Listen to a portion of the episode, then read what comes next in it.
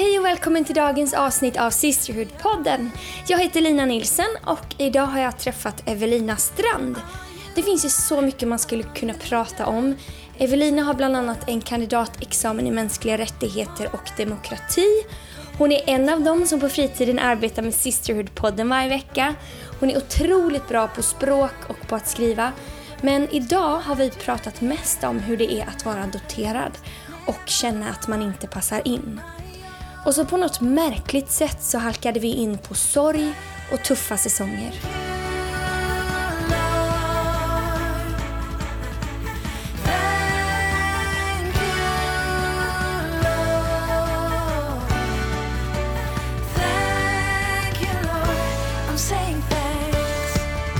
Idag har jag fått besök av Evelina Strand på Sisterhood-podden. Välkommen hit Evelina. Tack Nina! Eh, var drog du ditt första andetag? Det var i Suwon, Sydkorea. En liten eh, förort på sådär två miljoner. Växte du upp i Sydkorea? Nej, jag adopterades till Sverige när jag var fem månader. Så eh, inte så stor. Nej, så du minns inte så mycket kanske från den Nej, tiden? inte, ingenting alls. Ehm, om eh, du måste välja snö eller sol, vad väljer du då? Oj! Nej men det kan man välja. Kombinationen kanske? Ja, kombinationen. Jag tar det. Snö och sol. Snö också. Åker du eh, skidor? ja, Eller? jag åker bräda. Ja, bräda. Så det är... Vart växte du upp sen då efter, eh, I, efter eh, fem månader? Efter fem månader kom jag till Vilhelmina, en liten ort i södra Lappland. Så det är därför som du är, tycker om snö? Ja, jag tror det. Snö och sol, det är ju liksom perfekt. Bra kombination. ja, verkligen. Tycker du om att laga mat? Ja, men det gör jag. I alla fall äta, så då ingår Då väl måste man laga också. Om du ska så imponera på några? Eller om du ska Alltså, nej. bjuda på mat, vad gör du då? Mina yrkeshemligheter. nej, men och det är nog beroende på vem det är som kommer. Så jag försöker liksom mer, om någon kommer som älskar hamburgare, ja men då googlar jag eller tar reda på hur gör jag den bästa hamburgaren. Eller om någon kommer och gillar halloumi, så kollar jag upp det. Det är väl mer så här individuellt vad jag gör för att vad gör det extra liksom. Sen Men om jag gör det för att imponera, imponera, kanske? Nej, det, jag vet inte riktigt om jag är så bra på att imponera. Jag, Jag måste säga, så. jag känner i dig, du imponerade, du lagade ju maten till ditt eget bröllop. Just det. Ja, hjälp. Det är ju ändå något att skriva Ah. i sitt CV. Ja, fruktansvärt var det. Men eh, det blev ju bra. Eh, vi bjöd på älg som var bakad i ugnen och sen legat i marinad i två dygn efteråt. Som också Så. var en typ norrut ifrån den Ja, här älgen. precis. Lite Vilhelmina-älg där. Bra gjort. Ja, Så alla blivande brudar som har satt hög press på sig själv nu ska Här kommer det! en till sak man måste göra. Nej då. Hjälp. Jag gjorde inte min egen mat på bröllopet. Det är nog vettigt faktiskt. Eh, Men eh, om du är ledig en dag, vad gör du då? Då njuter jag. Jag är ute och går. Jag kan gå på bio. Jag är bara helt spontan. Då är jag, det gör jag på en ledig dag. Bara spontana grejer. Liksom. Ingenting planerat, utan bara hitta på det jag vill just då. Det är Skönt. skön ledig dag. Ja. Beskriv dig själv med tre ord.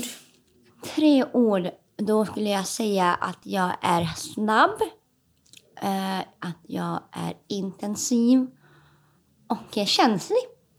Får jag väl eh, erkänna. Hur var din barndom?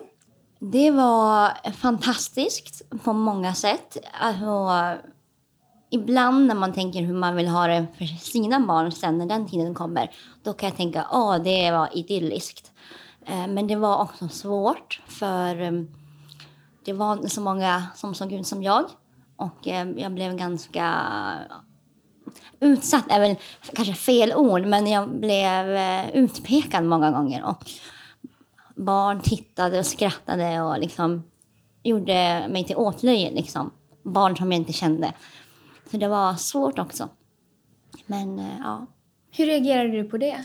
jag eh, blev alltid ledsen. Först kanske jag blev arg och liksom, nej jag kommer inte alls från Kina. För ofta var det det man, man Ja. antog. Men jag är från Korea, skrek jag där över. Eller Ja, vad spelar det för roll liksom. Men, Eh, så, för det är klart, jag blev arg först och sen blev man ledsen. För att, eh, ja men det är så. Jag vill ju vara som alla andra eller bli accepterad och liksom. Och det- jag kunde ju aldrig bli det. det. Jag kunde aldrig fly ifrån hur jag såg ut.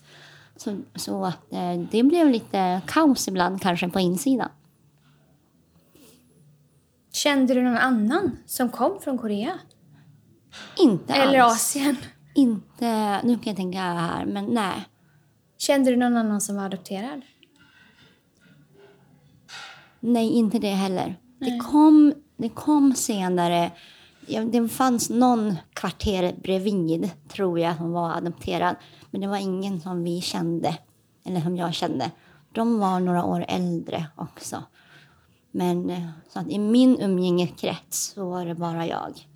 Hur tidigt berättade de för dig att du var adopterad? Kommer du ihåg det? Eh, Jag har alltid vetat det. Och det var uttänkt tydligen av mina föräldrar. Vi har pratat om det här senare. Att de vill inte göra en sån här stor grej. Nu sätter vi oss ner och berättar att du är från ett annat land. Eller liksom. Men eh, de har alltid här, ah, här mamma, ah, här, du har en annan mamma också. Hon som bar dig liksom. Men hon kunde ta hand om dig. Så nu är du här. Och jag har liksom alltid, alltid vetat. Så länge jag kan minnas. Mm, och sen har jag väl haft perioder där man har prövat det liksom, som barn gör. Jag sa till min mamma att oh, jag är ditt låtsasbarn, sa jag någon gång. Och det var inte så populärt, men vilket var väldigt bra, för hon blev så ledsen. Och då insåg jag, jo men just det, det är ju visst hennes riktiga barn. Så, Jag tror att alla barn säger, inte just kanske låtsasbarn, men du bryr dig inte om mig. Nej, eller, ja men precis, det här bekräftar de vill höra, Ja. jo du är mitt riktiga barn, eller jo jag Ja. bryr mig om dig. Eller, Ja, verkligen. Men du hade ett annat sätt att uttrycka det på. ja. ja. När eh, de här barnen sa liksom, åk hem till ditt land, eller vad de sa. Kände du att det var fel på dig? Eller kände du att det var fel på dem? Lite både och. Jag, jag tyckte ju att de var elaka och dumma. Och mina föräldrar var också väldigt tydliga med att det är de som har fel. Men som eh, barn och känslomässigt så blev det ju... Ja, men jag är fel. Liksom. Jag, jag passar inte in. Liksom. Men eh, alltså, jag har alltid haft också en, ändå en känsla av att eh, jag är här av en anledning. Att, att, liksom, man, att man har ett syfte. Så att det har jag ändå burit med mig. Men det har ändå funnits såklart känslor som var så här... Ah, ja, men, man är ledsen liksom och undrar varför är det så här? Var kom den känslan ifrån? Alltså känslan av att du är här av en anledning. Det, jag tror ju att det är Gud. Eller liksom, det är bara Guds nåd kanske. För det, vad jag förstått det som, speciellt nu i efterhand, så är, är det kanske många som kämpar med just det när man är adopterad. Men eh, jag har också haft föräldrar som har varit väldigt uppmuntrande och varit så här, men det är en plan med det här. För de har ju biologiska barn, liksom biologiska barn också, men adopterade mig för att de kände i sina hjärtan att det här ska de göra. Och, och det har vi alltid haft med, liksom att nej men det var inte bara en slump. Även om min födelse i Korea var liksom, eh, inte var tänkt eller en olyckshändelse eller vad det än var. Så visste jag, här var jag efterlängtad och tänkt och Gud har ändå liksom, han har gjort det här. Var dina föräldrar troende? Och din familj? Mm, det var de. Hur var det att gå till kyrkan? Alltså, det var ju min fristad på många sätt. Jag har alltid älskat kyrkan. Liksom, eh, alltid varit engagerad. För där... Det har varit en plats där jag känner att folk tror på mig. Det spelar inte så stor roll om jag är, hur jag ser ut. Utan det kändes som att de såg potentialen när jag växte upp. Och var ja, väldigt uppmuntrande också. Men du, eh, du var en hel del på sjukhus också när du växte upp, eller Ja, hur? precis. Varför var du det? Eh, Jag föddes med någonting som heter dubbelsidig läpp och gomspalt. Som, eh, jag tror det kallades harmynthet förut.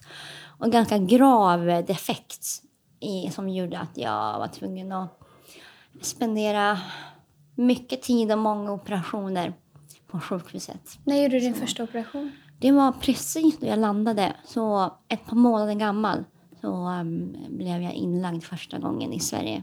Och när gjorde du din sista? Eh, Jag var lite drygt 20 år tror jag. Så att eh, vi höll på ett tag. Hur många operationer har du gjort? Eh, men jag tror att det är mellan 16 och 17 och så är det lite olika grad på, på det. En del har jag varit nedsövd i 10 timmar för det var så svårt och andra har jag ändå kunnat relativt snabbt gå från Ja. liksom, sängen Ja. eh, eller bordet.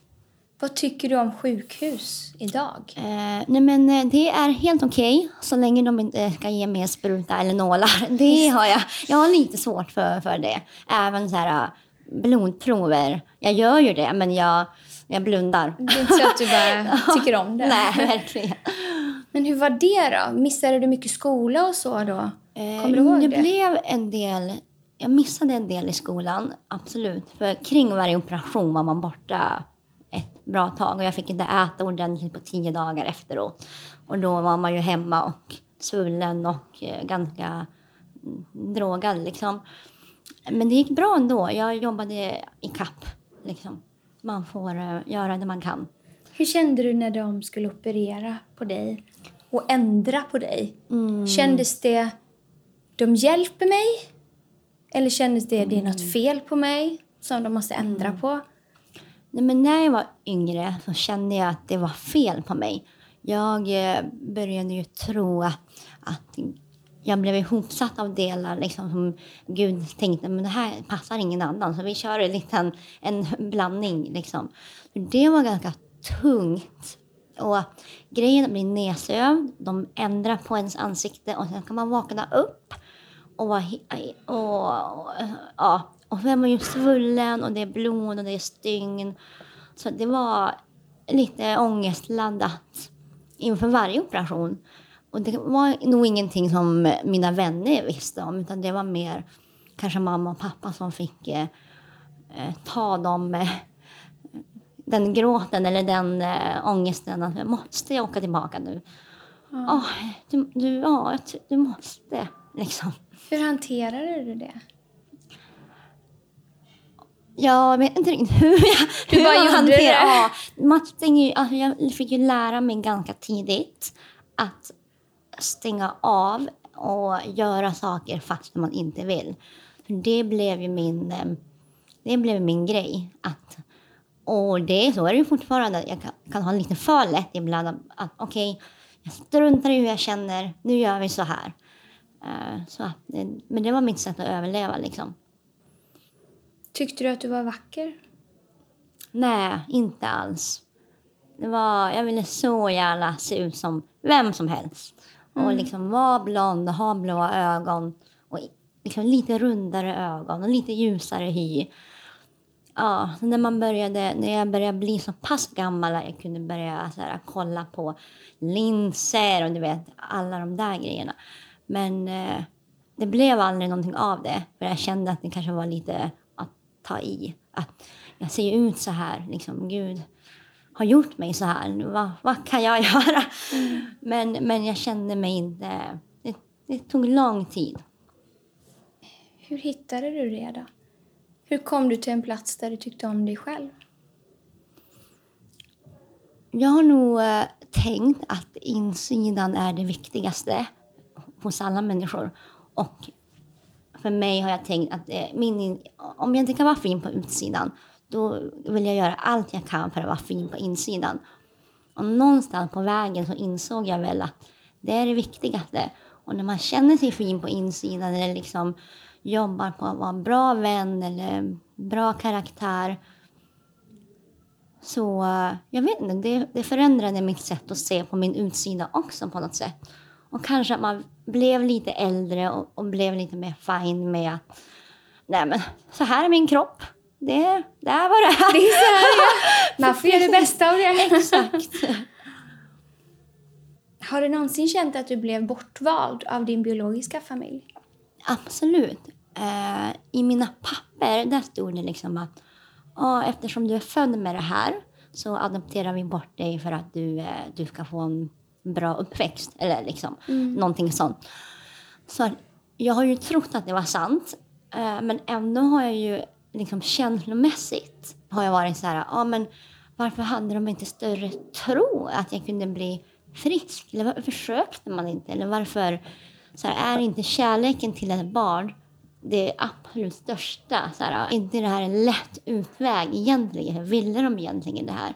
Och sen fick jag ju reda på när jag har, jag har sökt upp min biologiska familj i vuxen ålder och då fick jag också höra att min mamma visste inte om att jag levde för min pappa och min farmor där borta adopterade bort mig i hemlighet och sa att jag hade dött vid födseln. Så hon hade ju inte ens något val. Och då inser man ju ännu mer att ja, det, omständigheterna är, är så konstiga. Men känslomässigt har man verkligen behövt bearbeta att eh, bli bortvald. Liksom. För det var ju det jag har trott hela mitt liv. Att, att eh, någon valde bort mig. Liksom. Sen var det i och för sig några som valde dig också. Precis, vilken motverkande ja. lite så ja. Som blev motvikt till det. Ja. Men var det självklart för dig att söka upp din biologiska familj? Nej, inte alls. Jag tänkte på det när jag liksom, var kanske 12, 13. Men då kände jag, jag pratade med mina föräldrar om det och de var alltid så här, absolut, vi är med dig om du vill göra det.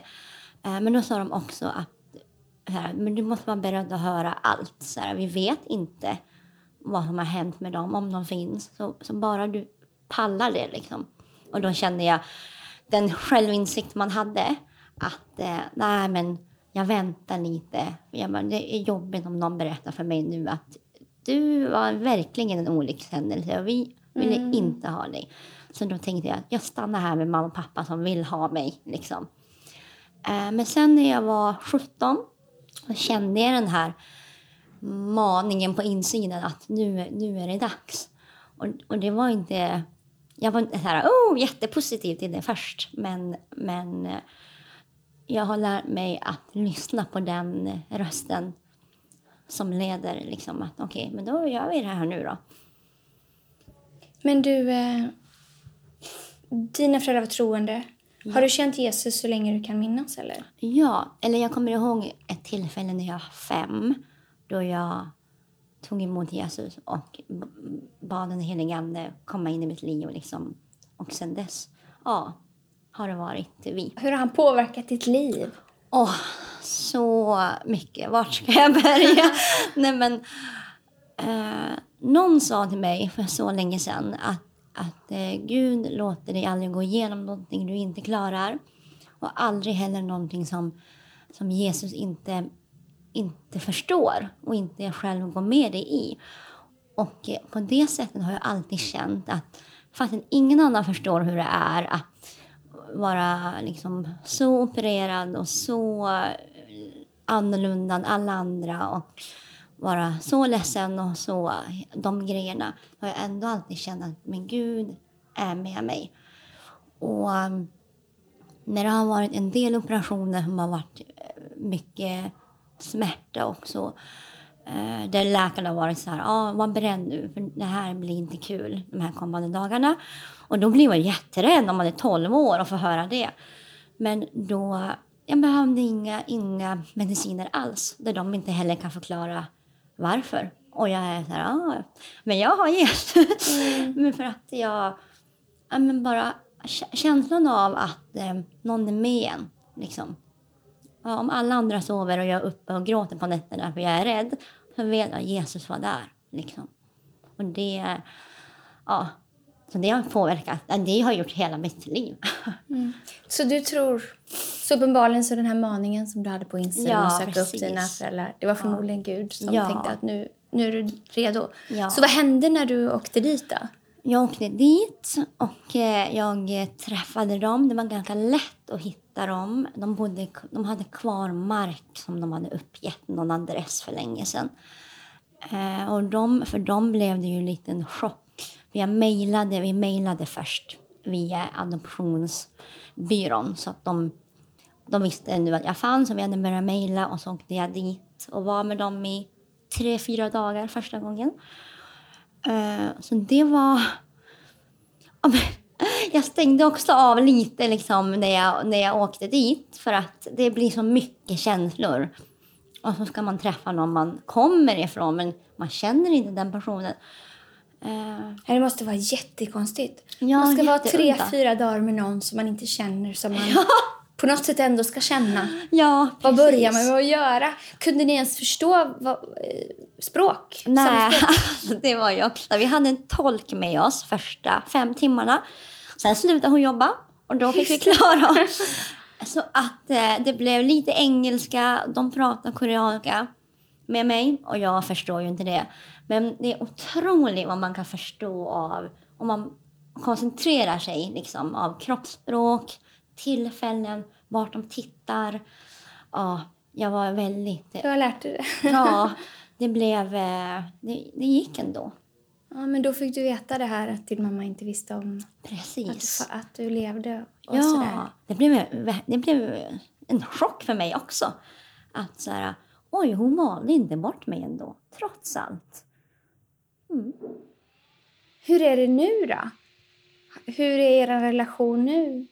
Eh, jo, men det är, vi jobbar på den. Nu var det tio år sedan lite drygt eh, jag var där. Och min mamma och pappa och familj här är ju min familj och min riktiga familj som det var så klurigt att veta när man var liten vem som var ens riktiga familj och, och så.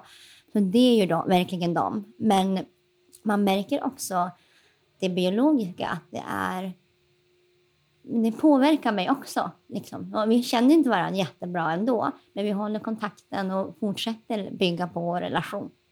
Så det är ju kärlek man har till sin koreanska familj, men lite annorlunda bara.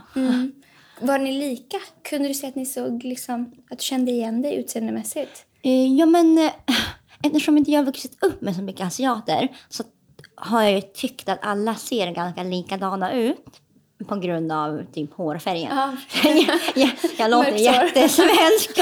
Men, eh, men sen ser jag vissa grejer och framförallt är det väl andra som ser att och jag, oj vad lika det var. Mm. Det kanske man, ja, alltså lite svårt att säga själv. Hur, hur tror du att det har påverkat dig att du är adopterad?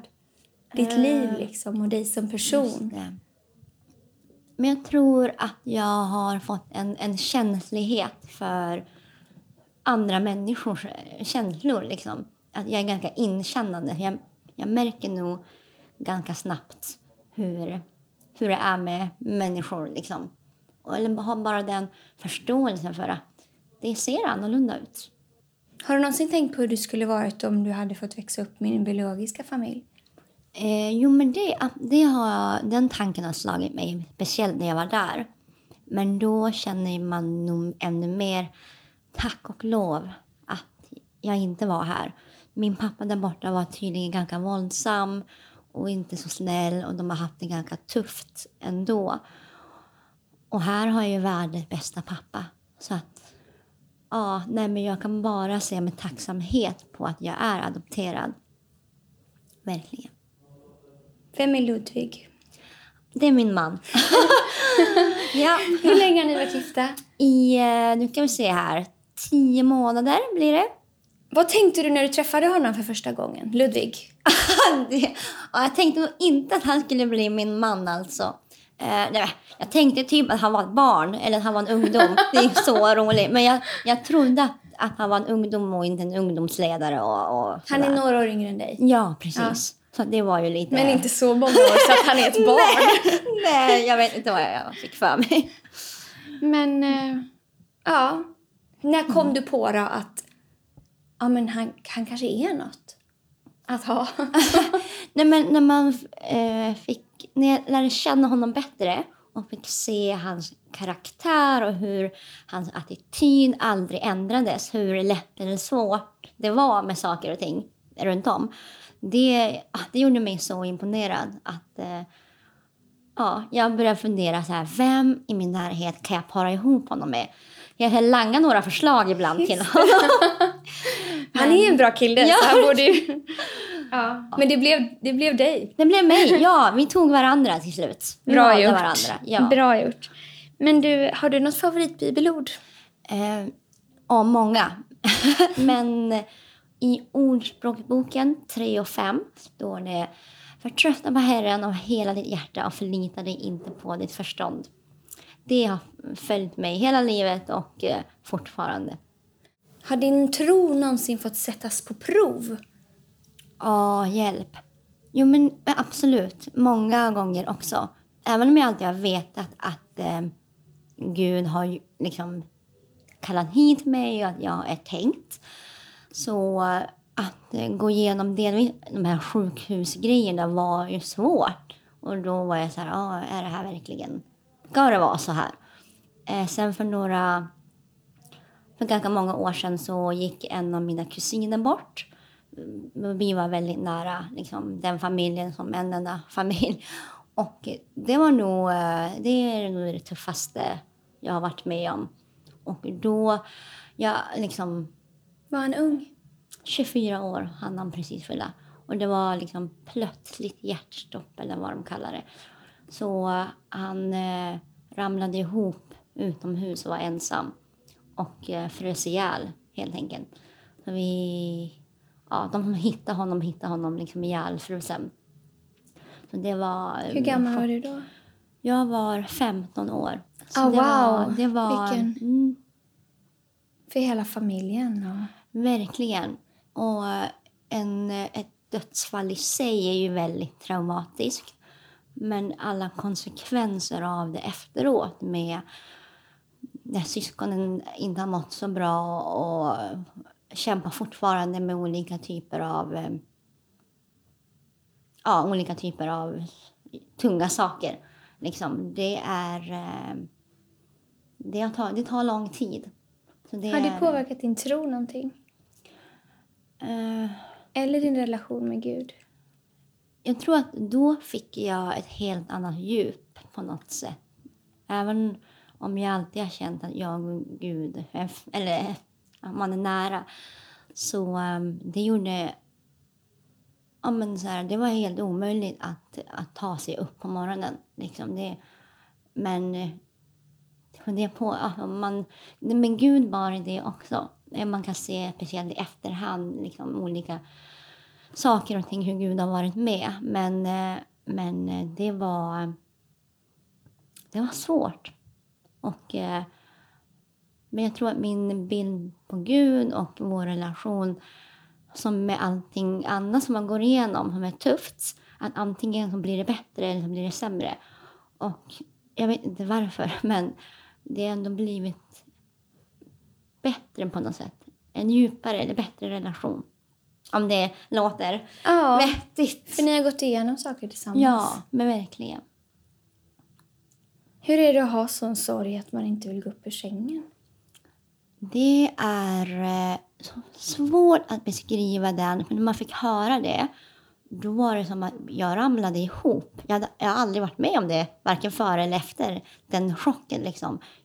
Kroppen bär inte. Eh, så man blir väldigt... Den sorgen är förödande på många sätt. Alltså det är helt... Att själv gå igenom den, att se hela en familj som man älskar gå igenom den. Det var ah, brutalt, verkligen. Hur tog ni er framåt? Hela livet stannade ju upp. Så vi var bara med varandra tror jag i flera, flera veckor.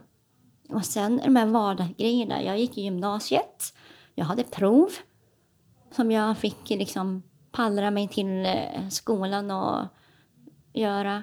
Och det var väl de här små ja, vardagen som började, började igen. Och då, och de gick ju på. Alla andra liv var ju så vanligt. Så man försökte liksom hänga med i det samtidigt som det var kaos och allt där hemma.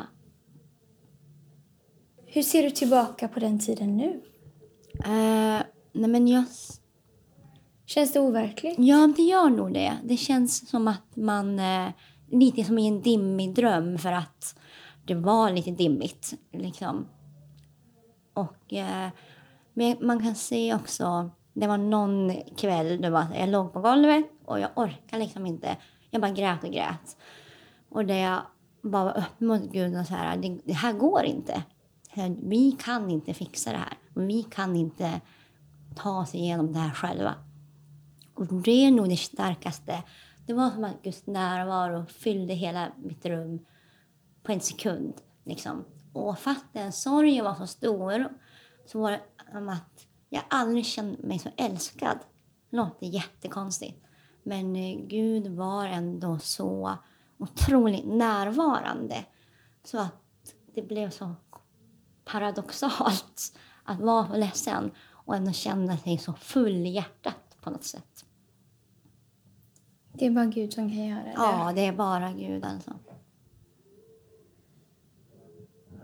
Wow.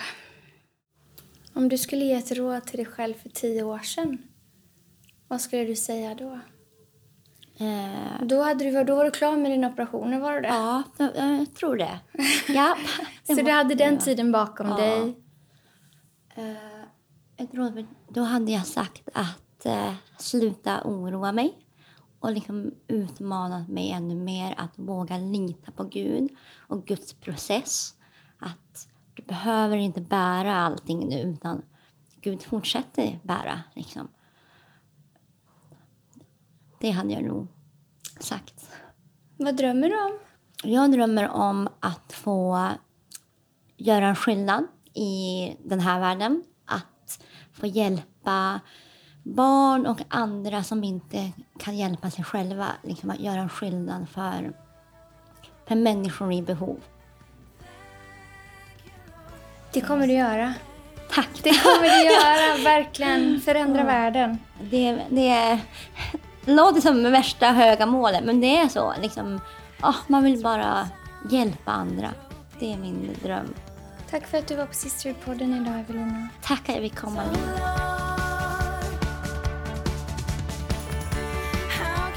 Jag förundras återigen över Gud verkar vara delaktig i varenda människas enskilda berättelse. En del märker det tydligt från början, som Evelinas tidiga känsla av att hon är här av en anledning och hur hon rent fysiskt kunde känna Guds kärlek i vissa situationer. Och andra ser det först när man tittar i backspegeln och ofta framförallt i de tuffa säsongerna. Att Gud omfamnar, leder och manar. Jag påminns igen om psalm 23. Om att Gud vill vara vår herde, om att han leder oss genom alla säsonger, att han leder oss på rätta vägar för hans namns skull. Men Gud har inga favoriter. Han vill vara delaktig i ditt liv. Om du bara låter honom. Och tänk om du tittar efter kanske du märker att han har varit där hela tiden.